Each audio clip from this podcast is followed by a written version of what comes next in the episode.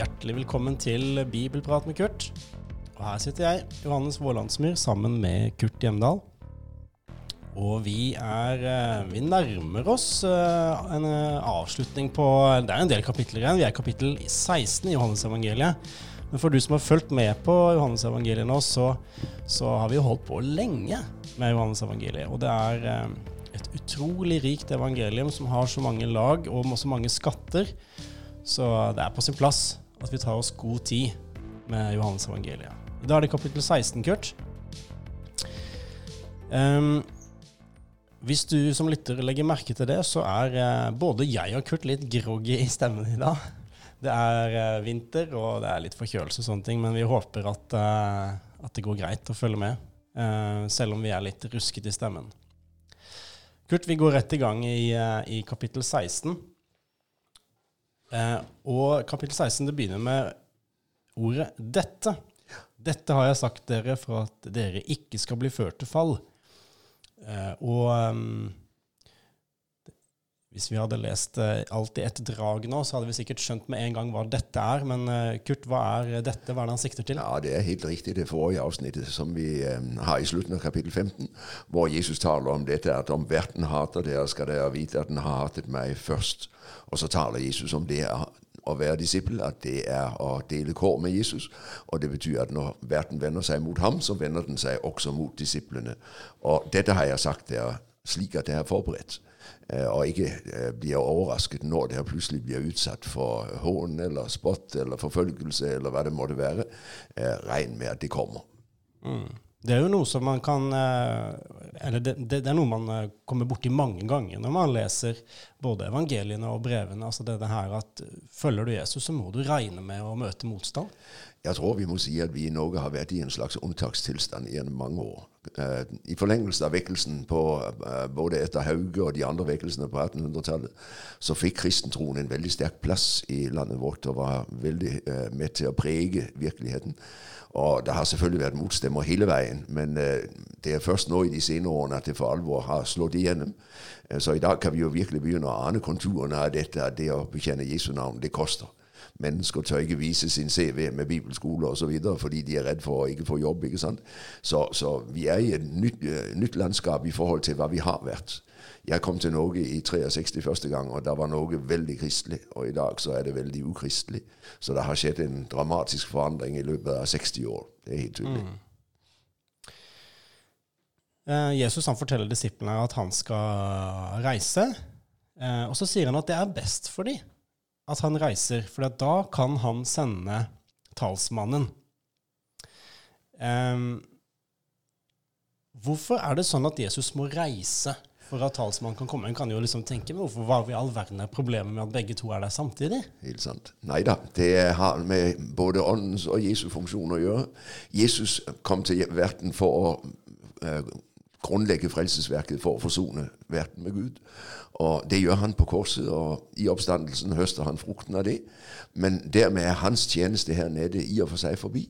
Hans tjeneste fortsatt, det er en forbundstjeneste ved Faderens høyre. Og samtidig er det en kongetjeneste ved Faderens høyre, hvor han skal utbre riket til hele verden. Og hvor han trenger en meget høy posisjon over det hele for å kunne se hvor han skal sende troppene sine. ikke sant? Så, så han stiger opp og er konge og prest, og ånden kommer ned for å være hans kommunikasjonsredskap. Den ved hvem han brer riket ut i det han utruster uh, disiplene med ånden. Så de har to forskjellige funksjoner. Den ene er talsmann hos Faderen, den andre er talsmann på jorden, og, og vår talsmann også. Mm. Og Så sier Jesus her noe om hva som er oppgavene til Den hellige ånd når han kommer. Jeg skal bare lese det i vers 8. Og når han kommer, skal han gå i rette med verden og vise den hva synd er, hva rettferdig er, rettferdighet er, og hva dom er.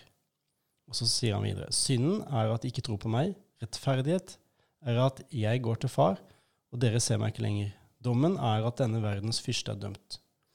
De, disse versene her, Det er jo ingen på en måte vanskelige ord her som er vanskelig å forstå, men jeg syns likevel når jeg leser at det er sånn vanskelig å se for seg hva er det egentlig han snakker om her. Ja. Eh, ånden kommer for å være Guds sakfører i verden. Gud har sak med verden.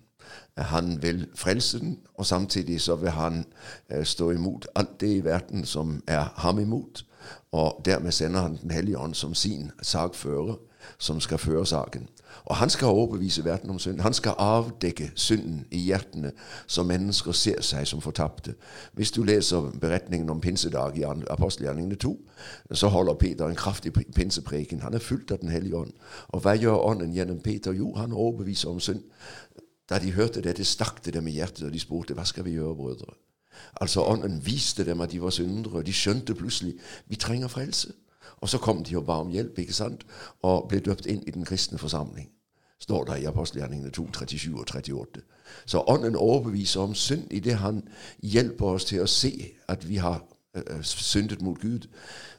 Uten Ånden så er vi alle sammen syndere. Ja, sånn, men ikke noe farlig. Uh, ja, ja, jeg er ikke verre enn de andre, jeg er ikke bedre enn de andre, men det er ikke noe som betyr noe. Når Ånden kommer, så skjønner jeg plutselig ja, men kjære tid, jeg har jo syndet mot Gud. Jeg har tatt livet i egen hånd. Jeg har gått imot Guds vilje både på det ene og det andre området. Og hele mitt liv er egentlig i opprør mot Guds vilje. Og da opplever jeg dette ånden overbeviser om synd. At jeg ikke tror på Jesus. At jeg har regnet bare med meg selv. Vantroen blir min grunnsynd. ikke sant? Jeg har nok med meg selv. Og så rettferdiggjør den Jesus. Den uh, stiller Jesus i det rette lys og sier, selv om det så ut som om han tapte på korset, han er seierherre. Han er Gud. Han er den som har makten. Så Ånden kommer og setter tingene på plass, både når det gjelder meg som synder, når det gjelder hvem Jesus er, og når det gjelder også hvem Satan er. Uh, han både overbeviser om synd, om rett, om dom, nemlig at Satan er ferdig. Kristus har beseiret ham på Golgata, og selv om han fortsatt utfolder seg, så er fremtiden ikke hans. Den hører Jesus til. I vers 13 så så sier han at uh, når sannhet, sannhetens ånd kommer, skal han veilede dere til hele sannheten. Altså, det er fryktelig store ord, hele sannheten. Uh, og så kan en umiddelbart begynne å tenke på Men åh, tenk hvor mye uh, kirka, disiplene av disiplene av disiplene, har famla og gått feil og rota seg inn i ja, det ene og det andre nå gjennom 2000 år. Så kunne du liksom tenke ja, men skulle ikke Ånden vise oss hele sannheten, da? Og det har Ånden gjort. Ånden har gitt oss hele sannheten. Og vi møter sannheten i Det nye testamentet og i Skriften. For det er jo der Ånden har åpenbart sannheten for oss. Men når man ikke vil høre på Skriften, når man vil høre på sitt eget hjerte og på sin egen forstand, så blir det krise, og så blir det klabb Men, men Ånden har gitt oss sannheten når det gjelder frelsen, når det gjelder hvem Gud er, når det gjelder hvem vi er. Så hvis vi vil høre på Ånden, og være lydige mot ham, så skal vi finne vei. Men eh, når vi ikke vil lytte Ånden, så er det vi kjører oss vill og roter oss bort. Så um, ikke vær i tvil om at sannheten er der, men du må altså til Skriften, og så må du bøye deg for Skriften. Og Så sier Jesus her i, no, i de versene etterpå at noe av det liksom kjennetegnet på åndens gjerning er at den peker på Jesus, for å si det på den måten. Er ikke det sånn et veldig viktig prinsipp for all eh, kristen lære, spiritualitet, undervisning. At, at det er hele tida en måte å, liksom å bedømme, bedømme, fruktene på. Hvordan kommer Jesus ut av det her? Um, det er helt klart Ånden kommer for å kaste lys over Jesus, for å herliggjøre meg, sier Jesus. Så Ånden har én oppgave fremfor alt, og det er nettopp å gjøre Jesus stor. Og vise at han er den helt nødvendige for oss alle sammen om vi skal bli frelst. Og at det er ham fremtiden hører til. Så hvor Ånden er, er det alltid kjennetegnet av der tales det både sterkt og rett om Jesus.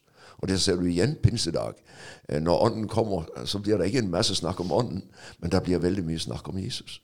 Og Peters pinsepreken er jo fremfor alt en preken nettopp om Jesus som den korsfestede, den oppstanden. Så vi møter igjen og igjen dette med Jesus i sentrum. Og derfor er det også kjennetegnet på har jeg Den hellige ånd, så er Jesus mitt livs sentrum. Mm. Hvis ikke Jesus er mitt livs sentrum, så er det et tegn på at Ånden ikke bor hos meg. Så er du i tvil om om du har Den hellige ånd, La øh, ditt forhold til Jesus avklare det for deg.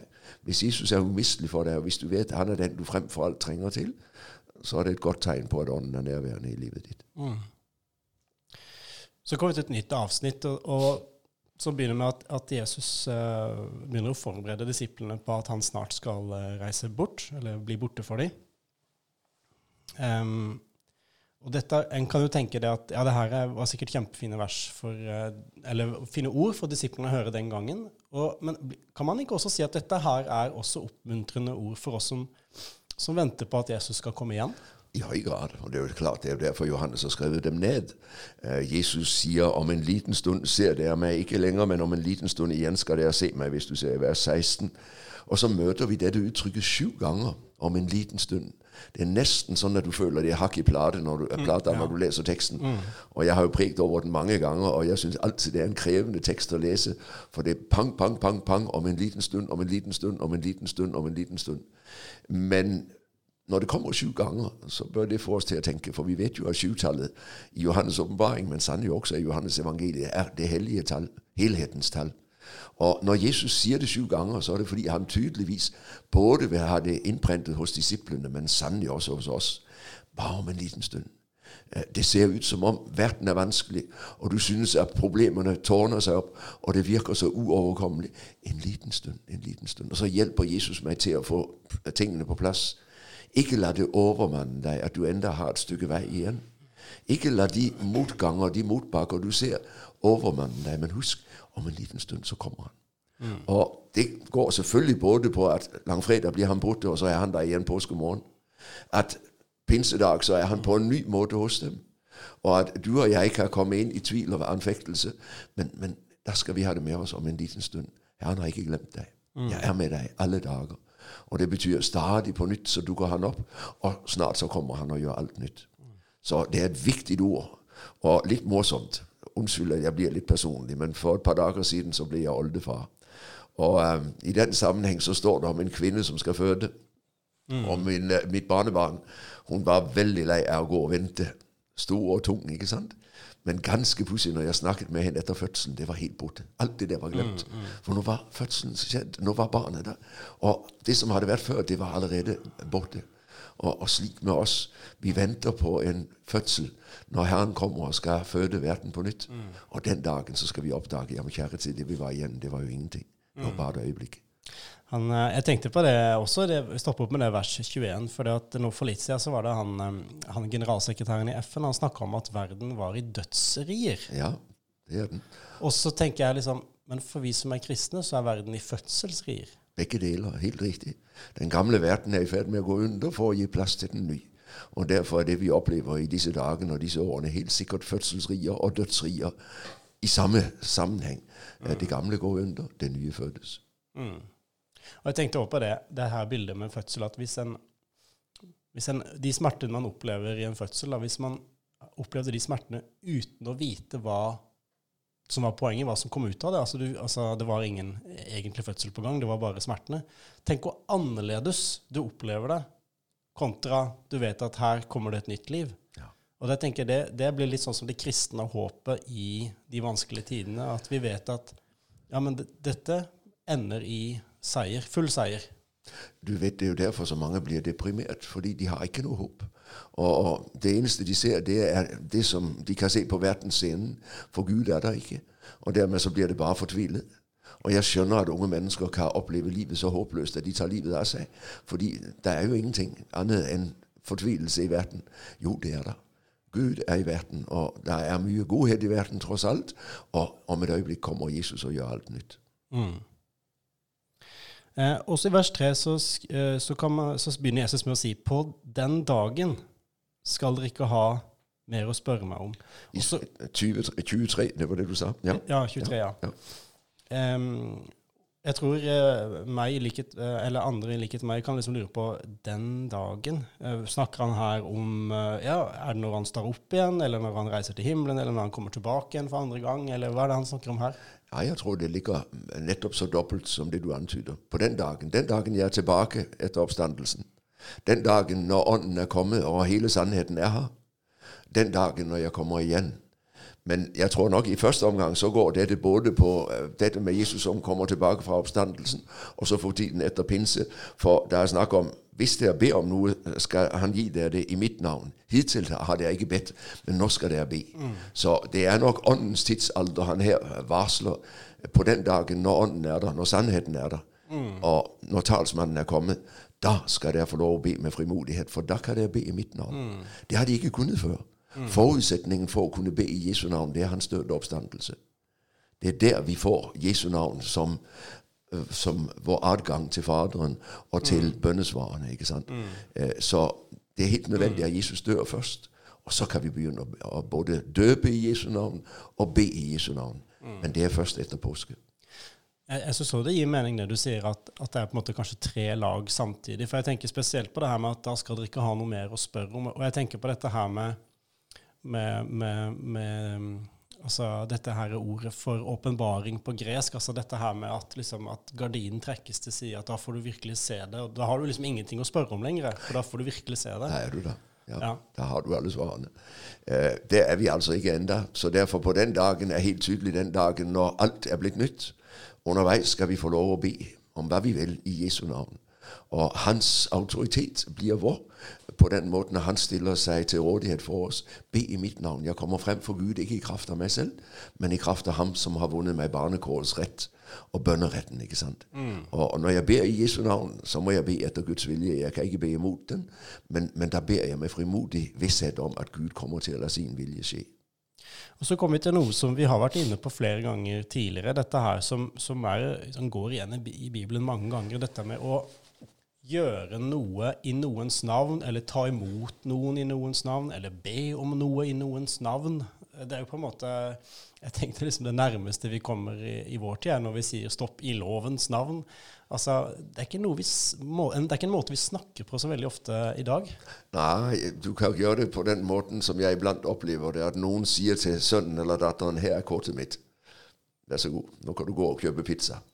Og så har de altså farens kode, og så går de og kjøper pizza på farens eh, bankkort. ikke sant? Eh, jeg overleverer på en måte min eiendom og gir deg fullmakt til å bruke den. ikke sant? Eh, så på den måten så tror jeg nok at det nærmeste vi kommer, det er egentlig dette at, at du låner ut kortet ditt, eller at du låner en annens kort og får lov å handle i en annens navn. Og, og dermed så har du plutselig hans eller hennes rettigheter. Når du sier det, så tenker jeg umiddelbart på altså, historien om den bortkomne sønn som, som da får ring på fingeren eh, eh, når han kommer tilbake igjen. Og jeg har hørt at det betyr at da hadde han mulighet til å handle på vegne av faren. Blir det litt det samme? Ja da, eh, altså du vet, en sinetring. Mm. Kongene i gamle dager hadde sinetring som de trykket ned i den eh, smeltede voksen. Og så stivnet den, ikke sant? og der sto kongens merke som tegn på at dette brevet var fra ham, eller denne lov hadde han undertegnet, eller hva det nå måtte være. Så, så det der med å eh, sinetringen, og i det hele tatt det der med å sette merket sitt i voks, og på den måten gi fullmakt, ikke sant? Em, i, i, I sammenhengen med dette her med å, som Jesus, dette veldig sterke løftet om å be om noe i hans navn, så snakker han om den, at på den måten tar vi del i den fullkomne gleden. Eh, Hva, hva er sammenhengen her mellom denne bønneretten og den fullkomne gleden? Du nevnte selv Lukas 15 og den fortapte sønnen, og det er jo veldig interessant. Når han blir tatt imot av far og blir lukket inn i sine sønnerettigheter igjen Far vil ikke høre på hva han har å si, han, han gir ham alt. Og så står det så gikk de inn til festen og gleden. Altså det å bli Guds barn, det å bli lukket inn i Guds uh, nærhet, og det er glede. Uh, jeg tenker på det kjente verset fra Filipperne 4. ikke sant? Gled dere i Herren alltid. Igjen vil jeg si gled dere. Trykket der ligger jo egentlig ikke på gled der, men det ligger på i Herren. Eh, Den gleden Paulus taler om, det er den barnekårets glede som ligger i det å oppdage hva jeg eier i Kristus. At jeg i ham er Guds barn, og at alt det Gud har, det er mitt. Og derfor, når jeg lærer å be i Jesu navn og henvende meg til Gud, så henter jeg ut min rikdom i evangeliet og i barnekåret. Og så kjenner jeg gleden. Så fyller Herren hjertet mitt med seg selv og med sin velsignelse. ikke sant? Og da blir min glede fullkommen. Når du ber, så tar du del i den festen som faren tel- steller i stand Det er en foregripelse. Da aner du litt. Og når du får bønnesvarene, så er også det en foregripelse av den dagen når du virkelig er til fest, og alt er herlighet. Vi er på vei, og allerede nå får vi små himmelglimt i det vi som barn utnytter den eh, eh, bønneretten som far har gitt oss. Eh, og så igjen eh, kommer vi til dette her som vi har vært inne på noen ganger, at Jesus han snakker om en, en, en, en spesiell tid. Um, og igjen så sier han dette her. Dette har jeg sagt dere i lignelser. Det kommer en tid da jeg ikke skal tale i bilder, men åpent og rett fram og fortelle dere om far. igjen, Kurt, hvilken tid snakker han om her? Ja, øh, Endegyldig så er det naturligvis herlighetens tid når vi er fremme. Men jeg, jeg tror, med tanke på alt det han nå har talt i kapittel 14, 15 og 16 om det jeg vil gi det er en annen talsmann, så må vi oppfatte dette om åndens tid. Mm. Når Ånden kommer, så er han den som åpenbarer evangeliet for oss, som åpner våre øyne. Og derfor, når han kommer, så trenger vi ikke lignelsene, for da taler han rett ut både om Kristi frelsesverk, om barnekårets rikdom og om den herlighet som venter oss. ikke sant? Så, så når jeg har fått lov å få Ånden, så ser jeg plutselig det disiplene ikke så. Hvis du leser evangeliene, og helt frem til Emmausvandrerne, så ser du hvordan disiplene sliter noe grassat med å gripe hva dette dreier seg om. Igjen og igjen så går de fem på, og må de spørre, og skjønner de ikke hva han sier, og er på jordet. Mm. Og så kommer Ånden, og plutselig så ser de. Og så kan de forkynne, og så kan de dele. For nå har de fått del både i gleden, men også i sannheten. ikke sant? Og dermed nå, nå trenger de ikke lenger å få det forklaret som småbarn, for nå er de blitt modne disipler mm. som ser. Mm.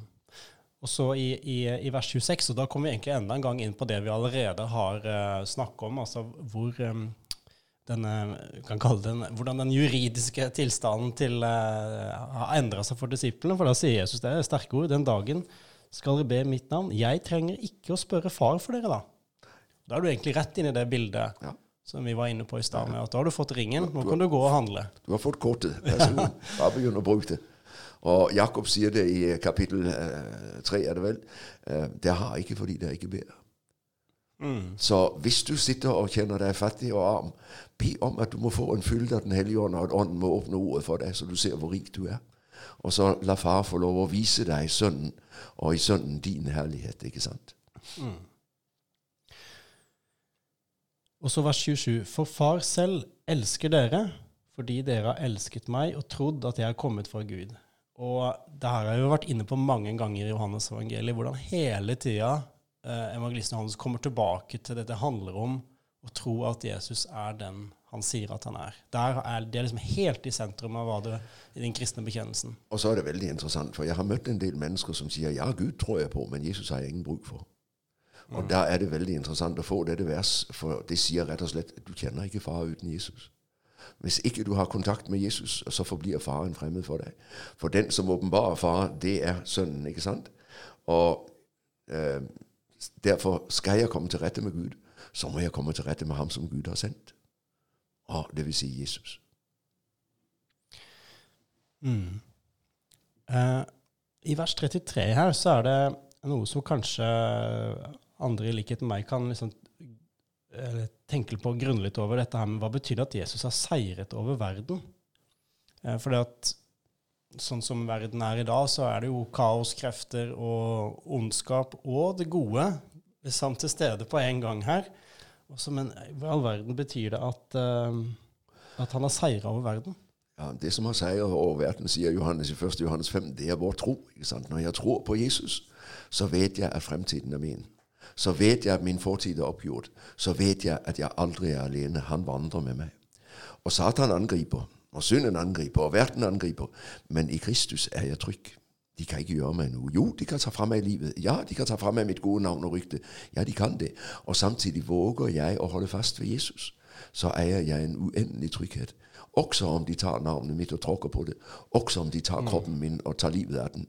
For jeg eier et liv som ikke kan dø. Jeg eier en seier som Satan ikke kan røre, nemlig Kristi oppstandelsesseier. Jeg er himmelvåger. Og derfor, når Kristus vårt liv åpenbares, da skal det også åpenbares med ham i herlighet, skriver Paulus i Kolosserne 3 vers 3 og 4. Jeg har et liv som er skjult med Kristus i Gud, som den onde ikke kan røre, enda så mye han prøver på det. Og han prøver hver dag. Men så lenge jeg skjuler meg i Kristus, så kan han egentlig ikke skade meg. Og så må alle ting tjene meg til gode, sier Paulus i Romerne 8, 28.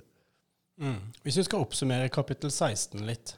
Det, det handler om ånden, og hva den har å si for den kristne. hele avskjedstalen er jo i veldig stor grad en tale om Den hellige ånd. Men ikke minst i kapittel 16 så får du vite hva åndens gjerning er, og hvor viktig ånden er.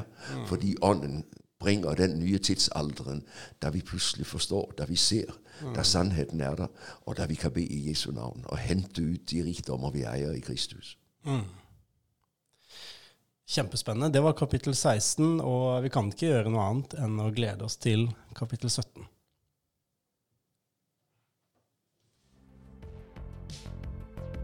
Hvis du syns denne podkasten var spennende og lærerik, må du gjerne fortelle om den til andre, sånn at flere òg kan få glede av den. Og hvis du har mulighet, må du gjerne gi en gave til Nordvisjon Agder sitt arbeid, f.eks. på VIPS nummer 94 272.